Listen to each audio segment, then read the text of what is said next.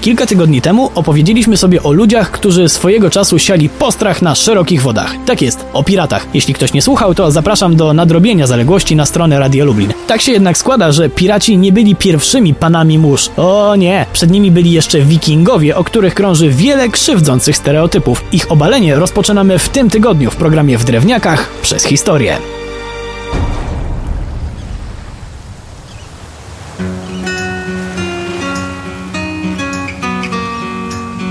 Skąd się w ogóle wzięli wikingowie? Ze Skandynawii, Danii, Norwegii i Szwecji. Może klimat nie najweselszy, ale do wszystkiego da się przyzwyczaić. Jeśli jednak chodzi o inne rzeczy, które natura miała do zaproponowania, to trafili świetnie. Zwierzyny było sporo, więc mieli co jeść, żelaza nie brakowało, więc mogli robić dużo porządnej broni, a z racji tego, ile było lasów, to o drewno na statki też nie musieli się martwić. Kiedy zamkniemy oczy i wyobrazimy sobie statystycznego wikinga, to chyba większość z nas ma w głowie podobny obraz. Ogromny, brodaty, śmierdzący chłop, w jednej ręce trzymający topór, a w drugiej kawałek surowego mięcha. A jak było naprawdę?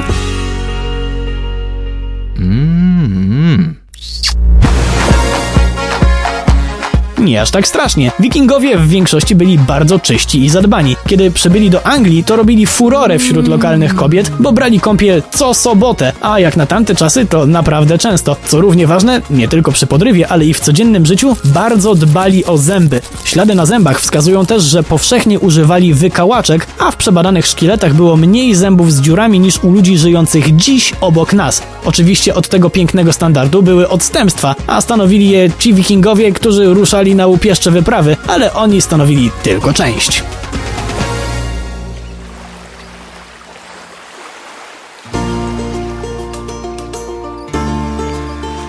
Wikingowie to nie tylko czyściochy, przynajmniej w większości i dżentelmeni, ale również inżynierowie pełną gębą. Najlepszym na to przykładem jest to, jakie robili statki. Ich kultowe drakary czy snekary to były dzieła sztuki i techniki. Nie używali pił, a nity były tylko drewniane, ewentualnie sznurowano ze sobą elementy. Brzmi jak prowizorka? Nic takiego. Robili to po to, żeby maksymalnie zwiększyć elastyczność łodzi, a elementy były tak spasowane, że wielu dzisiejszych twórców samochodów mogłoby im pozazdrościć.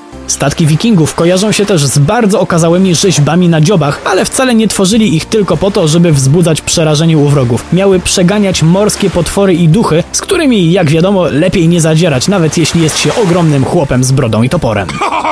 Oczywiście to, że robili świetne statki, nie znaczy, że je wymyślili, ale prawdopodobnie to oni wynaleźli łyżwy. Tak jest, to nasi wielcy wikingowie, kiedy tylko lud z kół jeziora śmigali na łyżwach jak zawodowcy. A jak wyglądały? Dość prosto, bo składały się z wypolerowanego od spodu kawałka końskiej kości piszczelowej i prostego wiązania. Niby znowu banalne, ale potwornie niezawodne i skuteczne. Ale, ale, żeby nie było, że wikingowie to tylko czyściochy jeżdżące na łyżwach. Naturalnie ogromną częścią ich życia i generalnie historii były wojny i wyprawy, ale do tego potrzebna była broń. Zacznijmy od tego, czym atakowali, bo wbrew pozorom, to nie toporem chciał walczyć każdy wiking.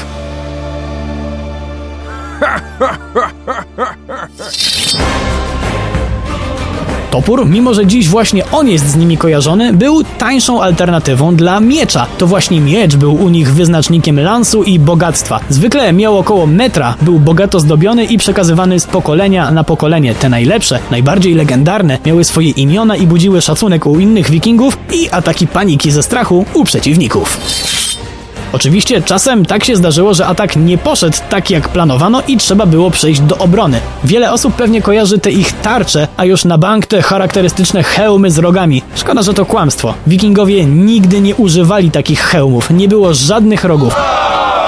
Jeśli komuś popsułem obraz wikinga, to w ramach pocieszenia mogę opowiedzieć, co wikingowie robili przed walką, bo o tym pewnie w szkole nie było. Powszechnie wiadomo, że zdenerwowany przeciwnik może łatwiej popełnić błąd. Wikingowie, wychodząc z tego założenia, tradycyjnie przed każdą bitwą obrzucali przeciwników nie tylko kamieniami, ale przede wszystkim obelgami. Werbalnie obsmarowywali ich z góry do dołu i byli mistrzami ówczesnych wulgarnych wiązanek. Po kilku minutach przeciwnicy byli tak zdruzgotani opinią wikingów na swój temat, że nawet najlepsi wojownicy walczyli gorzej. Wikingowie byli więc mistrzami w wojnie psychologicznej w charakterystycznym dla siebie stylu. Prostym, ale skutecznym.